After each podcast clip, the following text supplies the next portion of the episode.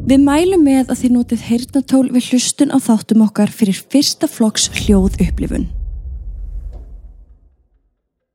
Komiði sæl, ég heiti Katrín Og ég heiti Steppi. og í dag ætlum við að segja ykkur draugasögu. Í hjarta Suð-Austur Asíu likur land hjúpað fornum leyndardómum, Malasía. Frá þéttum regnskóum til yðandi borgar þá er þetta í kjarnan dularfullt land þar sem sögur af ójarneskum verum sem reyka um landið djúft inn í þéttum frumskóginum hafa gengið á milli kynnslóða. Í gegnum aldirnar hafa þarna risið heimsveldi en þau hafa líka fallið.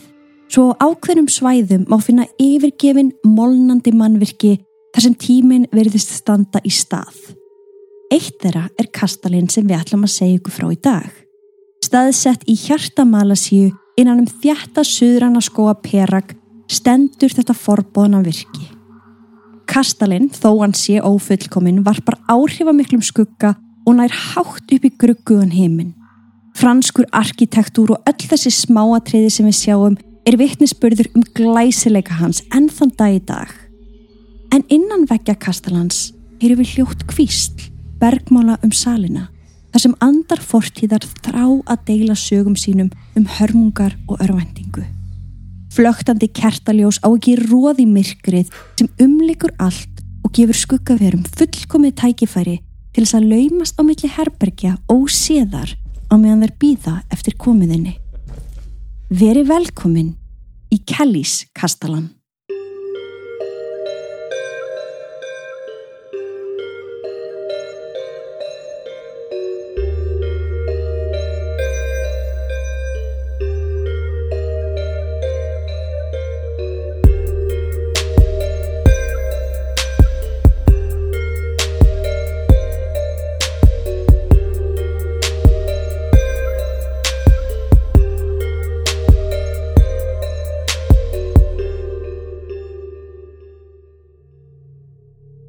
Við viljum minna á að draugasögurnar okkar eru ekki við hæfi barna nema með leifi fullorðina og með því hefjum við sögu dagsins.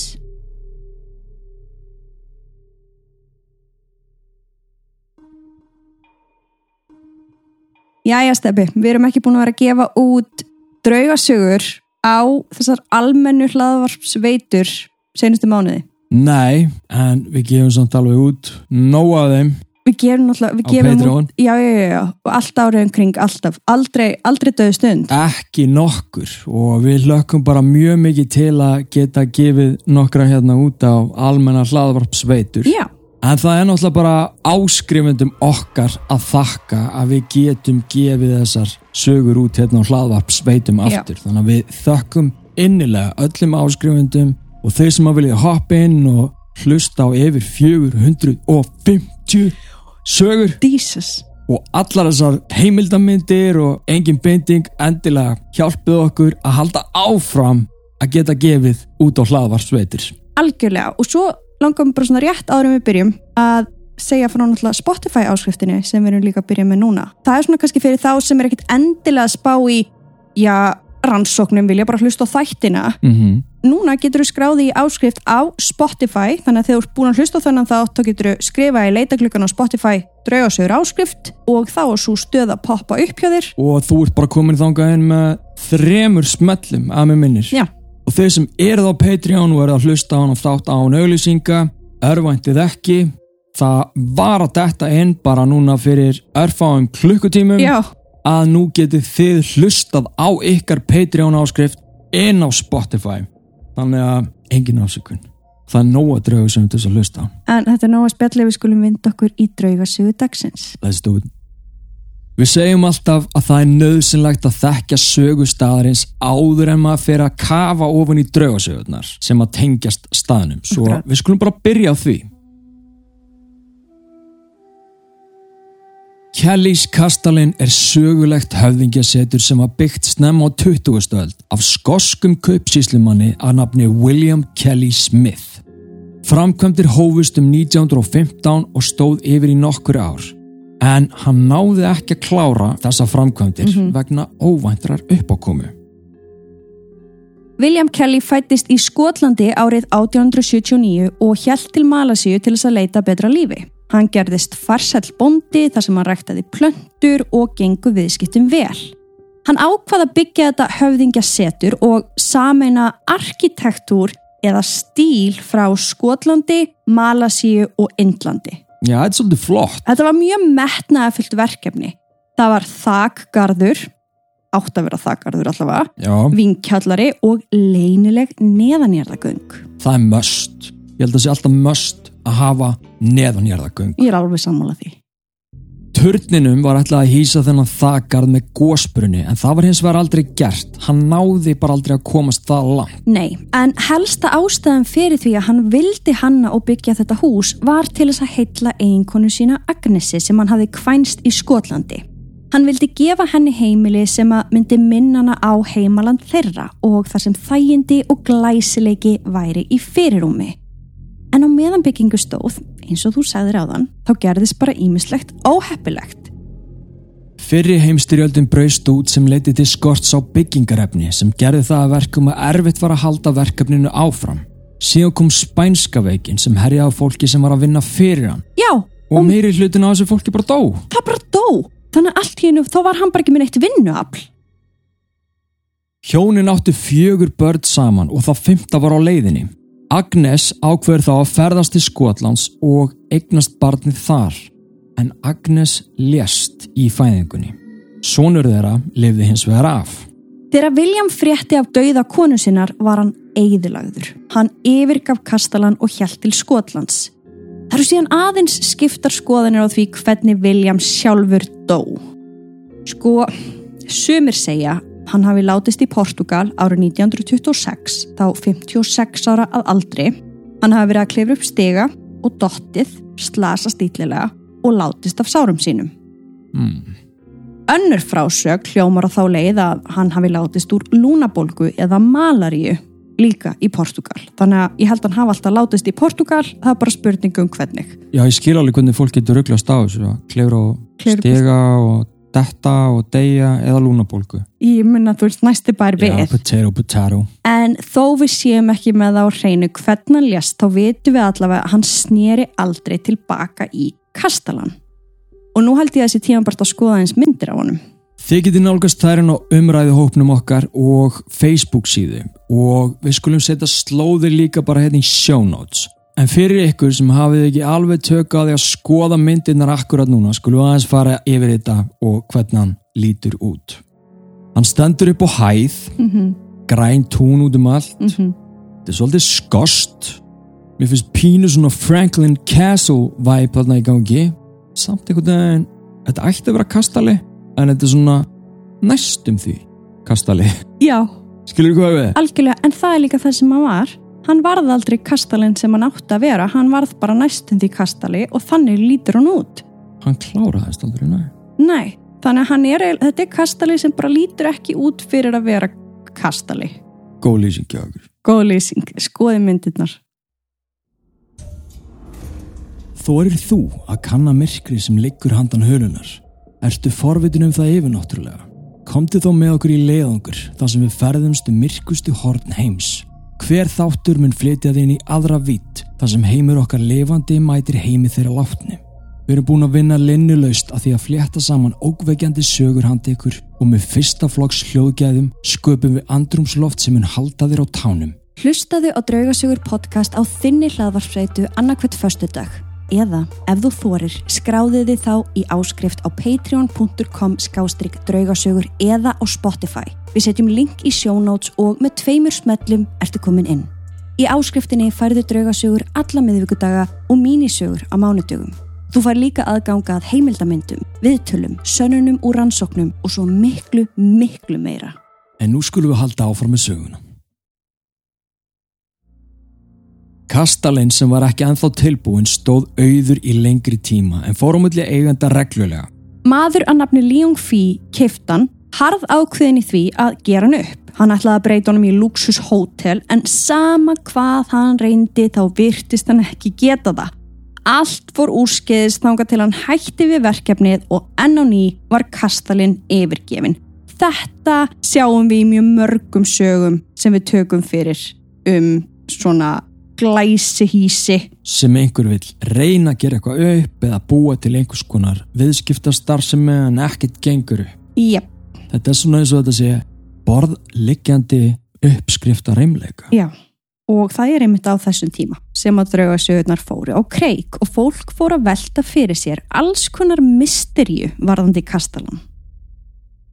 Fyrst til þess að byrja með þótti það skrítið að William hafi ekki snúið tilbaka eftir dauða eiginkonu sinnar. Hann var auðvitað búin að eigða hellingspening í þetta verkefni og húsið var algjörlega byggt eftir hans hugmyndum. Og þá komum við að öðru. Þessi göng sem voru byggð undir kastalanum sem að leiltu að kynnta áni. Hvaða tilgangi áttu þessi göng að þjóna? Það vissi enginn. Ú, þá mann að hugsa til Shanghai Tunnels. Svolítið þannig og sumir vilja meina að þessi göng hafi verið byggð eftir að Agnes lést. En það þýðir þá að hann hafi komið tilbaka til Malasíu, gert göngin og síðan farið annað. Það passar ekki alveg. Hann snýr aldrei tilbaka, mannstu. En þeir sem trúa því, þó manni finnist þetta ekki alveg passa, ég veit ekki, kannski snýri gaurin við. Já, já. Hver veit? En þeir sem trúa þessu segja að göngin hafi verið byggð í þeim tilgangi til þess að Agnes gæti ferðast þar á milli eftir að hún var dáin. Ó. Það hljóma svolítið langsótt. Ég veit, en við verðum að hafa í huga að fræðimenn benda á að allt í húsinu það var byggt eða hannað í einhvers konar trúarlegum tilgangi. Það voru alls konar teikningar, cravings, myndir, tákn og annað sem að gæti hafa haft einhverja dýbri meiningu fyrir William. Hvert einasta herbergi og hvert einasta smáatriði átti að þjóna einhvers konar tilgangi. Og ég meina já, ef það er satt. Já, sem þykir ekkert svo ólíklegt, af hverju byggði hann þá þessi göng? Einmitt. Og ef við ætlum ekki að trúa því að hann hafi gerst þau fyrir látna eiginkonu sína, af hverju þá? Veist, hvað ætla hann að gera með þessi göng? Ég veit alveg að þetta er pínu flókið, Mm en þetta er samt bara partur af sögu Kastalans að velta fyrir sér hvaða tilgang þessi göng átt að þjóna af því þetta er spooky og skrítið.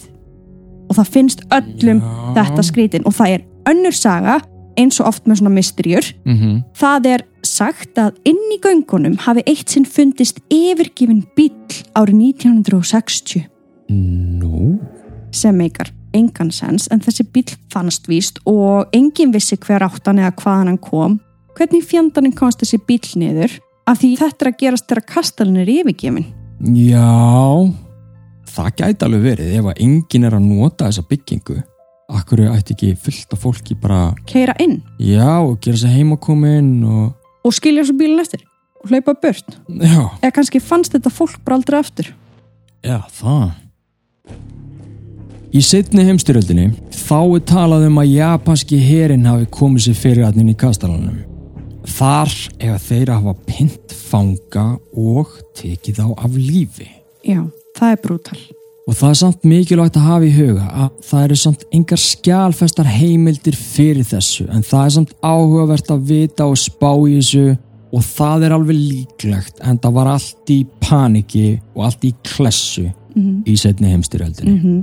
Þannig að þið sjáuð, við erum komið með bara svona sitt lítið að hverju. Það er allir að reyna að taka einhver púsl og setja þau einhver staðar til þess að reyna að láta þess að sögum en hann kastala meika sens þannig að hann þjón einhverjum tilgangi í dag.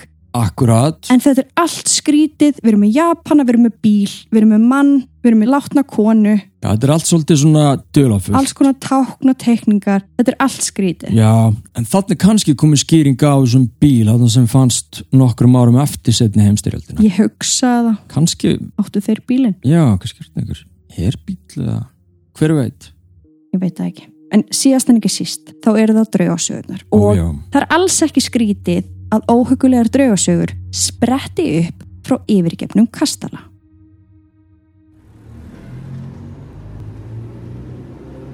Ein sagan kemur frá hjónum sem ákvaðu að leggja leið sína að kastalanum til þess að taka myndir af dýralífinu þar í kring. Það var aðeins byrjað að rökkva þegar þau komu loksins á áfungastað vopnuð myndavél. En um leið og þau stegu út úr bílnum tóka mótið þeim óþægilegt og þungt andrumsloft. Þau sem höfðu verið svo spennt í bílnum og leiðinni voru núna orðin hálf slói og óróleg sem var skrítið því þau voru búin að vera aðna í aðeins nokkrar mínútur. Þau stilla upp myndavílinni sinni að skólendinu en þannig að kastalinn væri örlítið inn í rammanum, svona partur af honum. Síðan byrjaðu þau að smetla myndum. Síðan færiðu þau sig úr stað og tóku fleiri myndir. Eftir að hafa verið þarna í um klukkutíma ákváðu þau að láta þetta gott heita en þau voru bæði orðin svo litið ólík sjálfum sér og hugmyndin hafði upprunnulega verið að eigða öllu kvöldinu þarna en þau voru bæði sammála um að klukkutími væri meira en nóg og þau voru tilbúin að snúa tilbaka í bæin. Þegar þau settust inn í bílinn fléttuðu í gegnum myndinar og þau sáu strax að á fyrstu myndinni sem þau tóku þá sáu þau kvítklæta konu standa í glugganum og stara beint í linsuna. Þeim fannst þetta skrítið af því að kastalinn átti að vera mannlaus og það var engin bíl fyrir utan sem að hefði gefið til kynna að einhver væri þar inni. Því betur sem þau skoðuðu myndina sjáðu að konan er hálf gegnsæ, náföli framann með einhvers konar slæðu á höfðinu. Þar sem augun ætti að vera voru tvær svartar hólur og munnur hennar var opinn eins og hún væri að reyna að kalla til þeirra. Hjónin fóru út úr bílnum og að glukkanum þar sem konan hafði staðið en þau sá hann ekki aftur. Hrættu hlöpuðu aftur inn í bíl og kerðu af stað í bæin. Við vorum ekki svo heppin að finna þessa draugmynd. Nei. Nei. Óh, það er svo rosalega oft þegar fólk skrifar um svona draugamyndir sem það hefur náð en síðan deila þau ekki myndinni með okkur á netið sem fær mann alveg til þess að pæla í því hvort það sé myndi við höfu til. ég veit, en samt verðum að líka hugsa, þú veist, við veitum ekki hvað fólkið er. Við höfum náð ansi mikið af sönnunagögnum sem er ekki aðgengilegar öllum á Nei. netinu. Þannig að það er ekkit, maður getur ekkit alltaf efast, þetta er allavega sagan þeirra. En málið er að þetta gæti vel hafa verið Andi Agnesar þarna á ferð.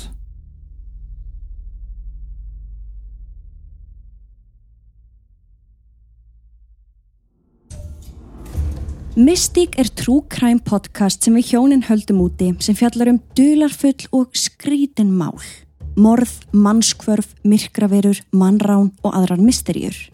Þættirnir eru allir mismunandi uppsettir eftir því hvaða máli teki fyrir hverju sinni. En ef þú hefur gaman að true crime og öllu því skrítna og undarlega sem er að gerast í heiminum, þá skaldu prófa að hlusta á þessa þætti. Þú finnur Mystic podcast á öllum helstu hlaðvarpsveitum og nýjir frýjir þættir koma út annarkvæð 50 dag klukkan 12 á hádegi. En ef þið langar í meiri Mystic í lífið, þá bjóðum við upp á áskriftarleið. Þú getur skráðið á tvenna vegu. Annars vegar getur þú leitað að Mystic áskrift hér á Spotify og skráðið beint í gegnum það. Eða þú getur farið inn á patreon.com skástrygg Mystic podcast og skráðið þar. Sama áskriftalegin á sama verði, bara tveimur mismunandi stöðum til þess að koma til móts við þarfir hlustenda. Í henni færðu nýtt mystikmál í hverri viku pluss þessa fríu sem við gefum út svo í heldina færðu sex þætti á mánuði. Við setjum linka í sjónót sem þú getur skoðað eftir að orkun að hlusta. En núna skulum við halda áfram með söguna. Eftir að Agnes lést í Skotlandi þá byrjuðu sögursagnir um að andi hennar gengi aftur í kastalanum. Heimamenn sögust hafa séð draugalega veru í hvítum kjól, ganga á milli herbergja og skiknast út um glukkana. Gestir og starfsmenn Kastalans fóru líka að tala sín á milli um dulafull hljóð sem þeir heyrðu. Hurðir sem að lokuðust á sjálfu sér, grátur sem að heyrðist eftir lokun og þessa þrúandi tilfinningu eins og einhver var að fylgjast með þeim.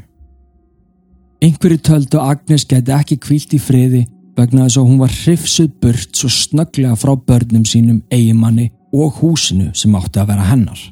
Hennar beigð þetta stórkostlega líf en svo allt í einu var hún farin. Gæti verið að hún sé ennáðna að leita eigimanni sínum og börnum. Einn draugaleg frásögn kemur frá gesti sem að fór í heimsókn í Kastalan. Nafnans hefur aldrei verið byrt en við munum kalla hann John. John var ævintýragjart og hann vissi að þegar hann færi til Malasíu myndi hann gera sér ferð í Kastalan en sagan á bakveðan hafði ávalt heitlað hann. Þegar að John steg fæti inn fyrir þröskuldin fekk hann gæsa húð eftir báðum handleggjum og hann lýsir tilfinningunni að honum hafi liðið eins og hann hafi stíið í gegnum kongulóavef þó að hann hafi ekki síðan neitt vef fyrir framann sig. Hann var einn í kastalanum en nokkrir aðrir gestir voru fyrir utan. Þetta var senkt um kvöld og tunglið varpaði óhugulegum ljóma yfir mannlus herbergin sem myndaði skugga á veggina. John var með myndavil á sér og meðan hann gekk upp frá einu herbergi í það næsta. Það brakaði í gólfinu og hann fann kaldan gust koma á móti sér sem honum þótti fyrðulegt þar sem veðrið úti var stilt og hann sá enga opna glugga. Síðan allt í einu stóð hann á móti glæsilegum og voldugum spekli sem að hjekka á vegnum fyrir framannan. Í örfár sekundur fannst honum speilmyndin af sjálfum sér verða bringluð og skrítin en þegar hann leitt aftur var hún eðlileg. Hann horfi í speilin svo litla stund en rétt áður en hann ætlaði að ganga frá honum þá sér hann reyfingu fyrir aftan sig í speiklinum eins og einhver hafi kíkt á hann út úr herberginu sem var fyrir aftan hann. John snögg bregður við þessa sín og snýr sér við fullvissum að hann myndi sjá einhvert standa þarna en þar var engin. Honum leið skringilega. Hann var hrættur en á sama tíma forvitin.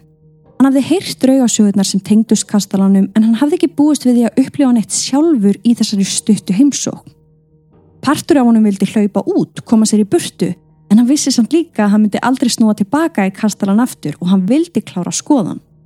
Svo hann hjælt ferð sinni áfram þángu til hann komað hurð með örlítillir rifu á. Hann heyrði hljóð koma frá þessu herbergi. Fótatak, líkt og einhver væri að ganga fram og tilbaka. Hann bankar á hurðina og á sama tíma stoppar hver sem er þarna hinum með við hurðina. Það fyrsta sem John datt í hug var að þarna væri annar gestur sem að hann hafði ekki séð. Það var ekkit ólíklegt að það væri einhver annar eins og hann að sníklast inn í kastalanum rétt fyrir lókun. En þegar hann opnar hörðina sér hann sín sem hann gleymir aldrei. Á miðju gólfinu stóð kona í hvítum kjól, andlitina sveplust en í kringum hana var skert ljós. Þessi kona horfir á John og réttir svo út höndina líkt og hún vilja hann komi nær sér. En John stóð stjarfur fyrir utan herbergið nema svo allt í einu er eins og hann rangi við sér og hann finnur yfirgnífandi sorg hellast yfir sig. En síðan kikkaði adrenalíni inn. Hann snýrist á hæl og byrjaði að hlaupa eins hratt og hann gatt. Hann hendi sér í gegnum dyrrnar út úr kastalanum og hljópa beint í fangið og öðrum gestum sem hann stóði fyrir utan. Með skjálfandi röttu reynir hann að segja þeim hvað hann hafið séð og hann spyr hvort að einhver annar sé inn í kastalanum, einhver annar en hann. Starfsmaður á svæðinu hjælt nú ekki en sagði að auðvitað væri alveg möguleiki að einhver hafi verið þarna með honum. Hini gestirnir voru forvittnir þegar John segir þeim frá kvítklætu konunni. Svo allir fóru inn að leita þenni en hún fannst hverki. Fólki sem var með honum fóru að reyna að segja honum að líklegast hafi þetta bara verið hver annar gestur sem hafi síðan komið sér í burtu. En þau sáu á leiðsögumanninum svo skýring var ekki alveg að passa. Og þá segir hann þeim frá draug Agnesar sem að aðrir höfðu séð og fundið fyrir og öll lýsa þau henni líkt og John lísti konunni sem að hann sá. Kvítklætt, sveiplaus og í kringum hana er þung og sorgleg orka. Greiði maðurinn var marga daga að jafna sig eftir þetta en hann ákvað svo að deila sögunni með öðrum en hann vill samt ekki koma undir nafni þar sem að hann er hrættur um að vera dæmtur. Já, það þekkist líka. Fólk vil ekki alltaf koma undir nafni. Nei, nei. En það sem að stendur svona hæst í þessu finnst mér er þessi tilfinningum kongulófavefin. Já, það er að fyrsta sem ég hugsaði líka Já. þegar að ég lasi þess að sögu fyrst. Og þetta er svona eitthvað sem að ég upplifi, allan að ég ætla að tala fyrir mig. Já. Þá er þetta svona tilfinning sem að maður veit að er merki um reymleika þegar maður er að upplifa eitthvað mm -hmm. og er að finna eða heyra einhverja hluti svo kemur þessi tilfinning yfir svona eins og lappir í gegnum kongulóavef en eðlilega þá er engin kongulóavefur í miðjuhúsinu. Nei, nei. og þetta er eitthvað sem að margir tala um bara viðsvegarum heimin og hefur gert í mörg ár. Það er þessi tilfinning eins og stöður afmagn og merkilega er að draugar eru sagðir gefa frá sér allavega rafsegulsbylgjur Þetta er samt, þetta er í rauninu ekki tilfinning, þetta er bara maður raunverulega finnur þetta. Já. þú lappar í gegnum kongulóðavef nema það bara er engin kongulóðavefur Já, þetta er ekki tilfinning, þetta er snerting þetta já. er svona, já, skinnjun að þetta er ekki eitthvað sem manni bara finnst maður finna, þú, mhm. maður er rættur um að maður hafi lappað í kongulóðavef og þú finnur þetta, sko ég hef ekki fundið þetta oft en þú hefur fundið þetta oftar. Já, bara nokkuð sem tekið eftir þessu. Já, Annað merki sem er mjög svipað, það er þegar maður fær svona eins og hárin og handleikjunum standa alveg upp já, en þú ert ekki með gæsahúð. akkurat. Takið eftir, þú veist, það getur gæst ef maður fær gæsahúð en ef að hárin bara standa upp þá getur maður ímyndað sér að maður sé með svona blöðru bara í kringum sig mm og það er svona stöðuramag sem myndast. Það er líka svona tilfinning sem er alveg kem líka þessari kongulóða tilfinningu Já, algjörlega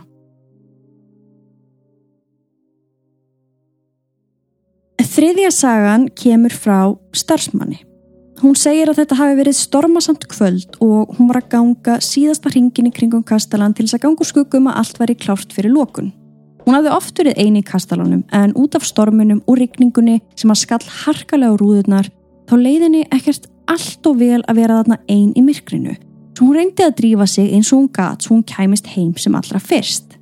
en þegar hún er að fara niður gangin þá heyrir hún eitthvað hljóð sem hún kannast ekki við. Þetta var ekki vindurinn eða rigningin heldur meiri eins og eitthvað hljóð frá dýri.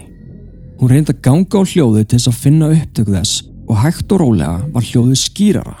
Þetta var ekki hljóð frá dýri heldur hljóma þetta meiri eins og einhver væri að gráta.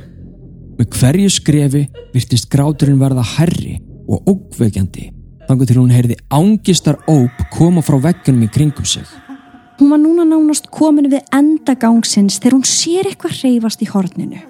Það var einhver þar í hnebri. Axlir einstaklingsins titruðu og skulfu á meðan hann grét og konan spyr hvað sé að. Hún sá þessa veru svo skýrt. Hún held að þarna væri um að ræða einhvern ógæfu mann sem hefði vilstinn í kastalan óséður eftir lokun. En maðurinn yrti ekki á hana og hann svaraði engu. Hann held bara áfram að gráta í nefri á gólfinu út í horni. Allt í einu fann konan fyrir skelvilegri tilfinningu og henni leið eins og hún væri ekki örug þarna einin í kastalanum á dimmum gangi fyrir fram að mannesku sem væri eflaust ekki heila á geði. Hún vildi koma sér í burtu, ringja á laurugluna og fá einhvern til þess að fjarlæga þannig mann. Hún snýri sig við varlega og vonaði að maðurinn hefði bara ekki tekið eftir henni. En um leið og hún var búin að snúa baki í hann þá heyrir hún skelvilegt öskur. Hún snýr sér hratt við og þá sér hún að maðurinn er staðin upp. Hann stendur beint á mótinni, uppréttur, örglega hátt í tveir metrar á hæð. Augun hans voru blóðhlaupin og munnur hans var bjagaður og meðan hann öskraði á hana. En svo skyndilega þá kvarf hann, beint fyrir framann hana. Konan hljóp út úr kastalanum og ringdi í laurugluna. Lauruglan mætir auðvitað staðin og hún finnur engan. Epp, og konan sagði upp hvorki meira niður minna og ég skil það bara mjög vel ef ég hefði lent í þessu, ég hefði örgulega sagt upp líka Já, ég hefði bara beðið um fleiri vaktir. Nei, þetta er, þetta er traumatizing sko, þetta er, þú veist alveg, þetta er brutal stuff. en engin annar hefur talað um að sjá þennan mann já, það hefur bara enginn komið fram og sagt já, ég hef séð eitthvað svipað Já, sem að passa við þessa útskýringu hennar. já, bara enginn og hún færir örgulega ennþá martraðar í dag grei konan, af því að Mhm. þetta er raunverulega atriði eins og bara úr hryllingsmynd þetta er bara eins og skáldsaga Já, já, já. En maður sig, sko, gæti þetta hafa verið einhver sem var pyntaður af Japanunum? veistu, það var að fyrsta sem ég hugsaði líka af því, já, mér datt það í hug Eða mögulega einhver vinnumæður sem að dór spænsku veikinni þegar að vera að byggja húsið. já, það gæti reynda líka verið Eða bara einhverju þrælar sem að skoski kallin okkar áttu. það er rosalega margt dularfullt við þetta Já,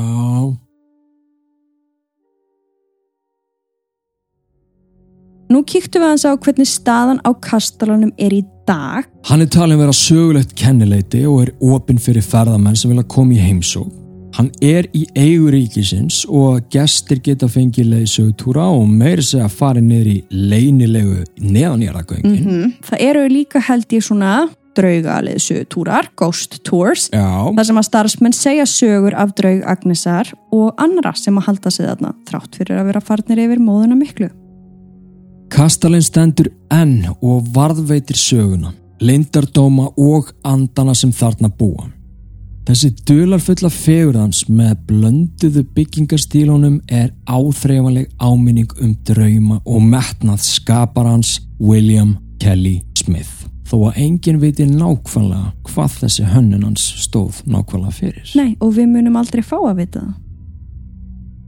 Í gegnum tíðina hafa mörg hundru manns greint frá yfirnáttúrulegum atvikum sem það hefur orðið fyrir þarna og góðsögnin um yrðalösan anda Agnesar er enn á vörum fólks. Þetta er staður þar sem fortíð, nútíð og það yfirnáttúrulega fléttast saman og þar sem minningar þeirra sem eitt sinn livðu og elskuðu setja eftir innan veggjana.